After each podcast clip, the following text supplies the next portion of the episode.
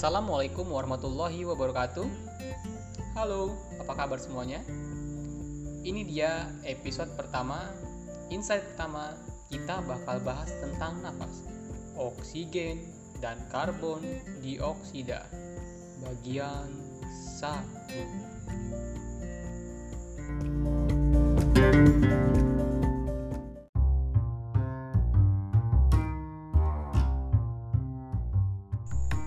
Ada kata-kata oksigen dan karbon dioksida. Jangan panik dulu, kita nggak bahas kimia atau biologi yang dalam-dalam amat. Cuma dasar aja, tapi dijamin sangat penting. Jadi terus dengerin.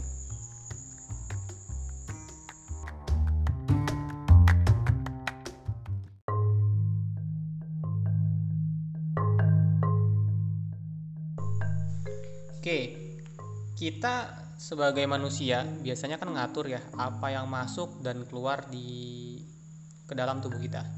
Misalnya pertama kayak makanan, makanan kita atur makanan yang masuk dan keluarnya pun sebisa mungkin harus baik. Terus minum pun kita atur kan, minum masuk seperti apa, keluar pun kita lihat kayak gimana warnanya, kuning banget atau jernih atau gimana. Terus bahkan kayak pikiran pun kita atur informasi yang masuk dan apa yang keluar dari mulut kita tindakan kita kita atur. Oke kalau anggap kita bahas yang ya lebih ke fisik dulu lah belum ke abstrak. Kayak makan. Makan itu penting karena kalau kita nggak makan selama beberapa hari atau minggu ya kita bisa tewas. Kayak minum minum juga penting. Kalau kita nggak minum beberapa hari wah tewas juga innalillah nah pertanyaan berikutnya kayak nafas. Nafas itu secara jangka waktu itu lebih pendek dibanding makan atau minum. Makan tadi mingguan. Minggu lah tergantung uh, cadangan makanan sih. Kalau minum beberapa hari lah. Nah kalau nafas berapa lama kita bisa tanpa nafas? Mungkin ya bukan mungkin pasti hanya hitungan menit. Nggak sampai satu jam paling banter ya di bawah 10 menit mungkin buat orang-orang yang nggak terlatih. Tapi pertanyaannya kenapa untuk makan itu kita atur masuknya apa aja banyak jumlahnya gizinya segala rupa minum pun kita atur minumnya seperti apa air putih atau air apa air macam-macam kan? Tapi nafas nggak pernah kita dapat bahasan yang lebih dalam. Nafas itu harusnya gimana sih proporsi nafas itu tariknya dalam atau pendek. Terus ritmenya cepat atau lambat. Kan ada nafasnya ritme cepat. Atau nafas yang pelan halus. Terus pas narik itu kita narik sedalam mungkin dengan power gitu atau nariknya pelan-pelan. Sama buang pun. Buangnya buang entah keras atau buangnya pelan biasa aja atau halus banget buangnya ya kan? Itu nggak pernah dibahas. Ada sih nggak bahas cuman nggak terlalu umum untuk dibahas.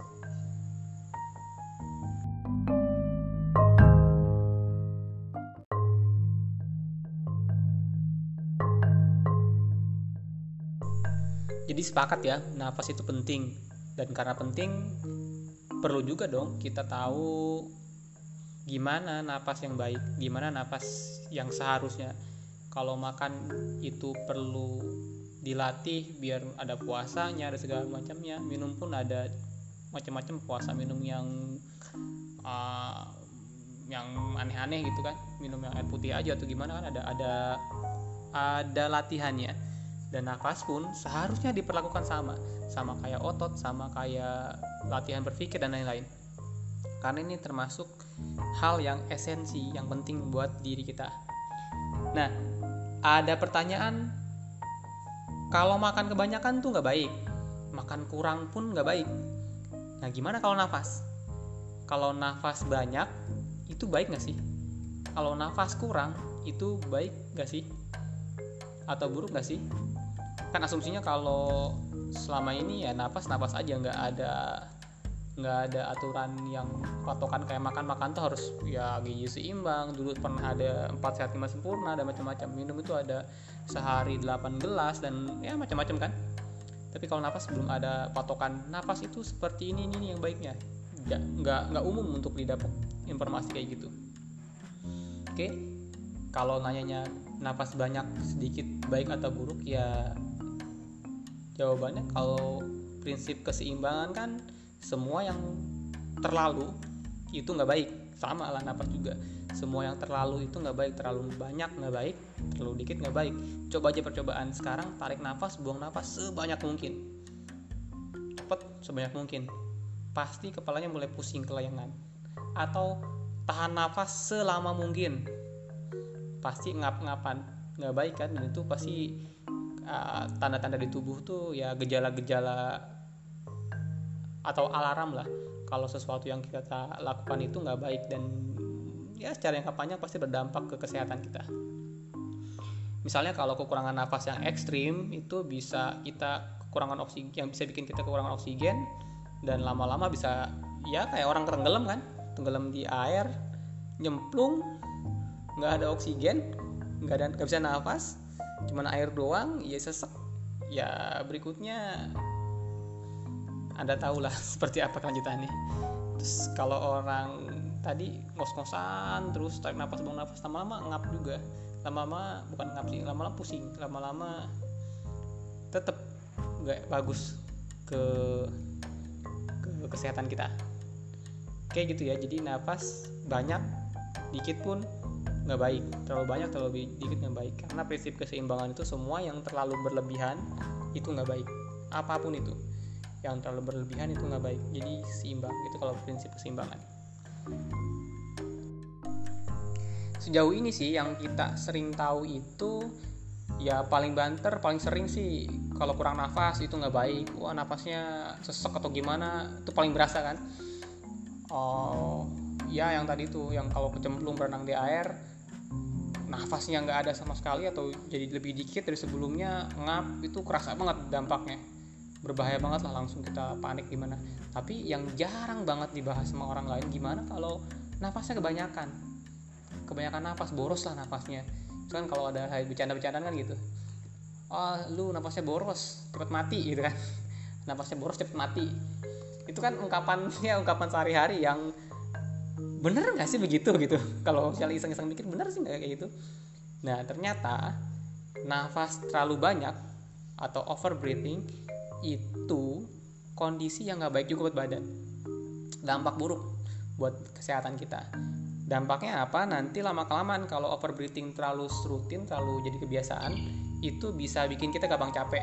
Masalah tidur tidur jadi nyenyak gampang capek. Kalau olahraga gampang cepet ngos-ngosan terus badannya jadi nggak fit terus kalau jangka panjang lebih panjang lagi bisa ke kita jadi gampang stres kita jadi lebih stres kita gangguan di jantung banyak lah uh, dampak negatif dari nafas yang boros.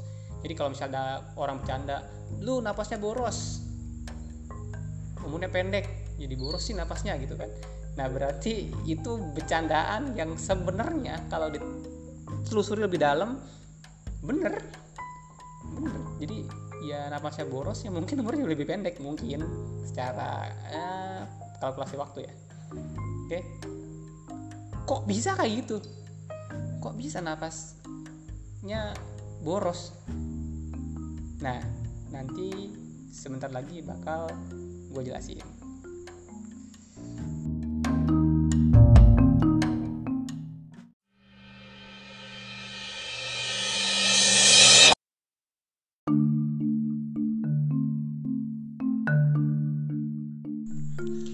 kalau di pelajaran biologi dasar kan pernah tuh SMP lah atau SD sekalian pasti pernah. Narik nafas kita menghirup oksigen. Dan ketika buang kita mengeluarkan karbon dioksida. Ya kan? Jadi pas narik kita narik oksigen tujuannya buat ngambil oksigen. Dan pas buang tujuannya itu untuk mengeluarkan karbon dioksida biasanya biasanya kalau pemahaman umum itu karbon dioksida dianggap sebagai sesuatu yang jahat. Jahat karena dia sesuatu yang buruk. Karena dia dianggap sebagai dan memang sebagai uh, hasil sampingan dari proses metabolisme tubuh. Jadi kalau kita badan ngasih energi hasil buangannya itu karbon dioksida. Makanya eh, kadang-kadang orang mikir ada anggapan di masyarakat kita kalau tarik nafas sebanyak mungkin sedalam sedalam bukan banyak tarik nafas dalam itu bakal masukin banyak oksigen ke badan. Apakah seperti itu? Jawabannya enggak. Kalau kita narik banyak nafas justru oksigen yang masuk ke badan kita terus lebih sedikit. Nah lo kontradiktif kan?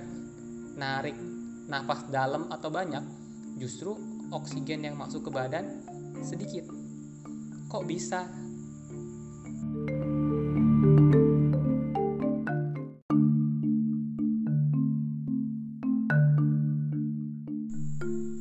Kalau kita bayangin itu udara oksigen kan ambil dari udara bebas dari luar. Pas tarik masuk lewat hidung nanti ke paru-paru. Kebayangkan udara masuk lewat hidung ke paru-paru. Nah nanti di paru-paru dipindahin ke darah nanti di darah dibawa kayak angkot darah tuh bawa oksigen cus keliling-keliling badan masukin nanti baru pindahin ke tubuh kita ke jaringan ke sel ke jantung ke otak ke otot ke macam-macam bagian tubuh kita. Jadi yang bawa oksigen itu darah. Masuk ke paru-paru paru-paru oksigen dipindahin ke darah. Darah yang ngangkut. Angkutan umum lah angkutan umum di badan kita tuh darah. Yang sel darah merah tepatnya yang bawa oksigen. Nah paradoksnya semakin banyak oksigen yang ada di sel darah merah semakin sedikit oksigen yang bisa pindah turun ke sel atau jaringan atau otot atau apa pun. Jadi semakin ini kalau sel darah merah anggap bulat anggap sel darah merah itu kayak angkot semakin dia penuh berjubel sama oksigen nah si oksigen ini malah semakin kuat semakin mager nggak mau keluar dari uh, dari sel darah merah. Dia semakin kuat ikatannya sama si sel darah merah. Dan akhirnya dia susah buat masuk ke jaringan masuk ke otak masuk ke otot masuk ke macam-macam karena susah akhirnya si otot si otak dan lain-lain itu malah kekurangan oksigen. Kan konyol di sel darah banyak oksigen tapi oksigen mager nggak mau keluar. Akhirnya si jaringan kita tubuh kita malah kekurangan oksigen. Nah sebenarnya yang mempengaruhi uh, kemampuan tubuh kita buat ngambil oksigen dari darah itu yang mempengaruhi adalah karbon dioksida. Catat yang mempengaruhi adalah karbon dioksida. Jadi kalau karbon dioksidanya ada si sel eh si sel si oksigen itu malah lebih gampang keluar. Tapi kalau karbon dioksida dikit oksigen lebih banyak ya oksigennya lebih mager lebih susah lebih nggak mau keluar. Dia udah nyaman sama ya mager lah gitu. Pusing nggak? Ada pusing nggak? Ada istilah oksigen karbon dioksida sel darah merah pusing nggak? Pusing nggak?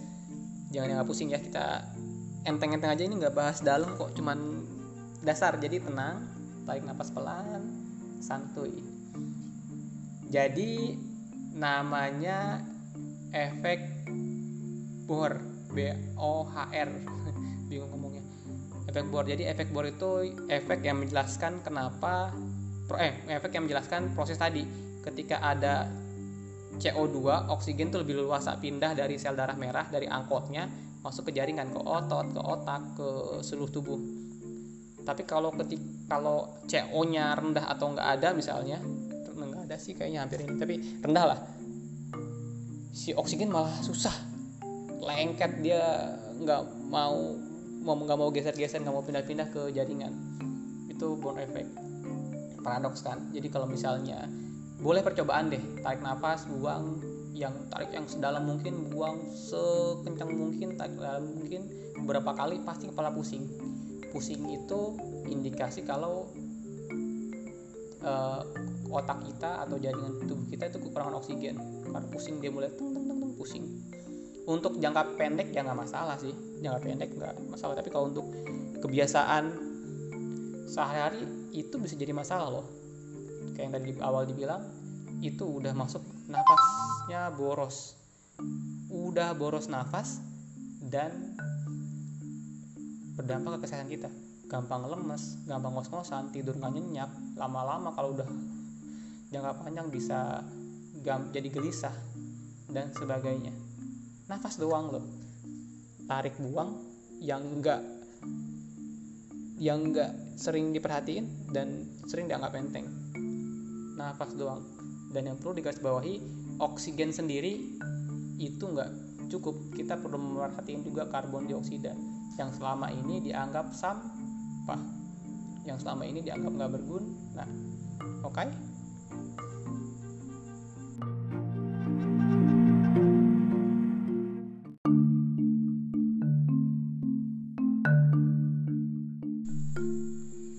Kebayang nggak? Coba deh perhatiin nafas lo atau nafas samping lo atau nafas keluarga lo atau nafas siapa pun. Pas lagi nafas perhatiin. Dia nafasnya ada beberapa orang yang nafas tuh kayak ngap kayak nafas tuh nggak cukup dikit kayak kayak gitulah boros lah nafas-nafas orang boros. Atau lagi tidur orang tidur sambil mangap ngorok. Mulutnya menganga kebuka dan nafasnya masuk lewat mulut keluar lewat mulut dan itu pasti lebih banyak uh, udara yang masuk ya kan? Udaranya yang masuk lebih banyak dan pas pas kita buang nafas tuh kan karbon dioksida dikeluarin. Karbon dioksida banyak juga yang keluar. Akhirnya karbon dioksida persediaan yang di darah itu berkurang. Kebayang nggak kalau itu jadi kebiasaan kita sehari-hari? Berarti uh, nafas kita nggak bener dong. Secara ketersediaan oksigen di darah itu cukup. Tapi oksigen yang masuk ke jaringan kita ke otak kita ke otot kita itu kurang. Padahal oksigen itu penting banget buat mecah energi. Penting banget. Jadi kalau oksigennya kurang ya berarti si sel itu kekurangan bahan bakar buat bikin energi. Dan nanti salah satu katanya katanya nih silahkan kalau kepo bisa nyari-nyari lah. Katanya salah satu dampaknya ya ya obesitas. Energinya banyak yang numpuk katanya. Oke. Dengan kata lain ya nafas banyak itu enggak nggak tentu nggak nggak pasti memenuhi kebutuhan oksigen tubuh. Banyak iya cuma nggak kepake. Banyak iya di darah cuma nggak masuk ke badan. Kebayangkan? Jadi jangan ya mungkin salah satu filosofinya itu kadang-kadang hal yang kita anggap nggak penting anggap nggak berguna itu sebenarnya penting banget. Kayak karbon dioksida kan dikambing hitamkan sebagai hal-hal yang nggak berguna. Sampah buangan tapi ternyata dia memegang peranan penting buat oksigen masuk ke jaringan. Oke bayangin kalau kalian kayak ya kalau analogi makan lah makan terus makan penting. Terus BAB yang dianggap kotor itu nggak nggak nggak lancar nggak baik juga kan? Sama kayak nafas. Karbon dioksida oksigen dunia penting tapi dengan kadarnya masing-masing. Baik lagi ke prinsip keseimbangan semuanya itu baik selama tidak berlebihan atau semuanya itu semuanya itu yang semua yang terlalu itu tidak baik. Yang lebay-lebay itu nggak baik lah. Terlalu parah itu nggak baik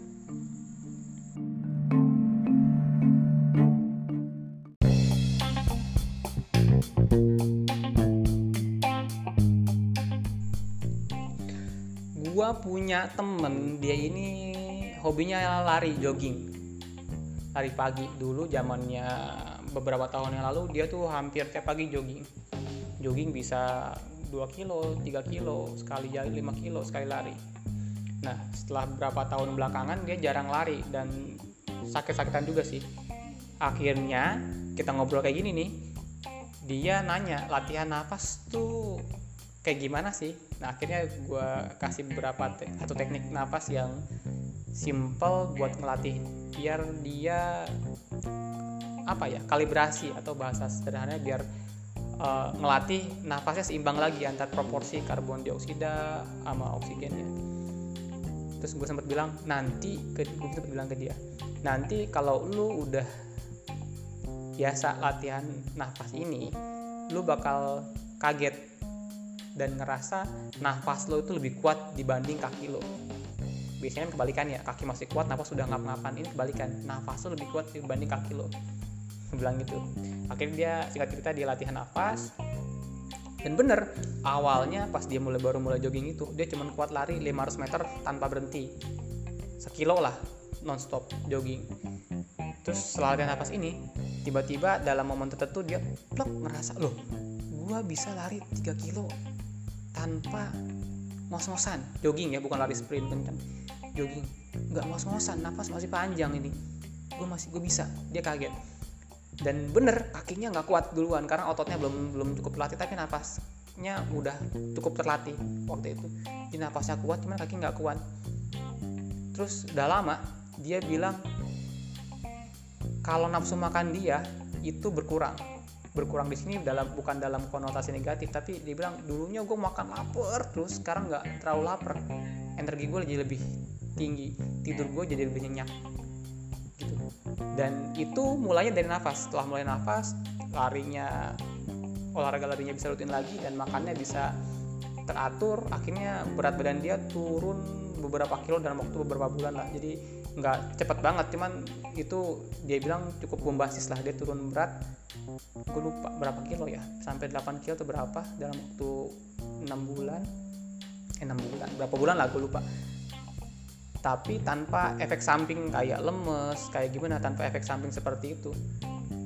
Nah itu dimulai dari nafas. Jadi di dikembalikan ke proporsi yang baik kimiawi darahnya terus sel-selnya tubuhnya jaringannya itu semuanya dapat asupan oksigen yang pas. Akhirnya badannya lebih segar dan itu cuma dari ngatur nafas doang. Akhirnya merembet ke yang lain ke olahraga ke makan ke kualitas tidur ke kemampuan otak dia buat berpikir sampai dia bilang dulu kalau lagi dia kan pengusaha. Dulu kalau lagi masalah di bisnis dia stresnya luar biasa. Tapi setelah dia mulai latihan nafas jogging lagi makan bener lagi masalah tuh kayak kecil we. Kayak kecil bukan berarti selesai tapi dia bisa lihat dari sudut pandang yang lebih baik. Keren kan? Jadi dia mulai dari latihan nafas dulu memperbaiki proporsi oksigen dan karbon dioksida oksida karbon dioksida. Masih belepotan gue gitu. Mulai tertarik. Kalau mulai tertarik nanti kita bahas di podcast berikutnya. Sekarang coba deh kalau memang tertarik kepo-kepoin aja beberapa metode nafas tuh banyak banget. Banyak banget di YouTube di buku-buku banyak metode nafas. Cuman mungkin nggak sepopuler diet makan karena kalau makan kan ketahuan orang pengen diet langsing biar kelihatan badannya wujud fisiknya kelihatan tapi kalau nafas kan orang anggap nggak ada kaitannya sama bentuk tubuh. Jadi motivasinya nggak terlalu wah. Oke nanti mungkin di podcast podcast berikutnya kita bakal bahas lebih dalam lagi.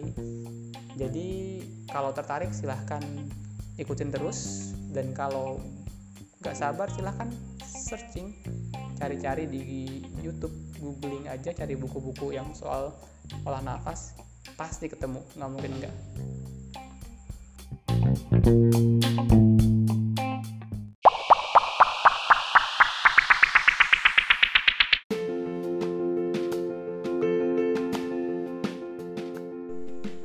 segitu aja sih uh, obrolan kita di episode pertama, insight pertama soal nafas, oksigen dan karbon karbon dioksida bagian pertama.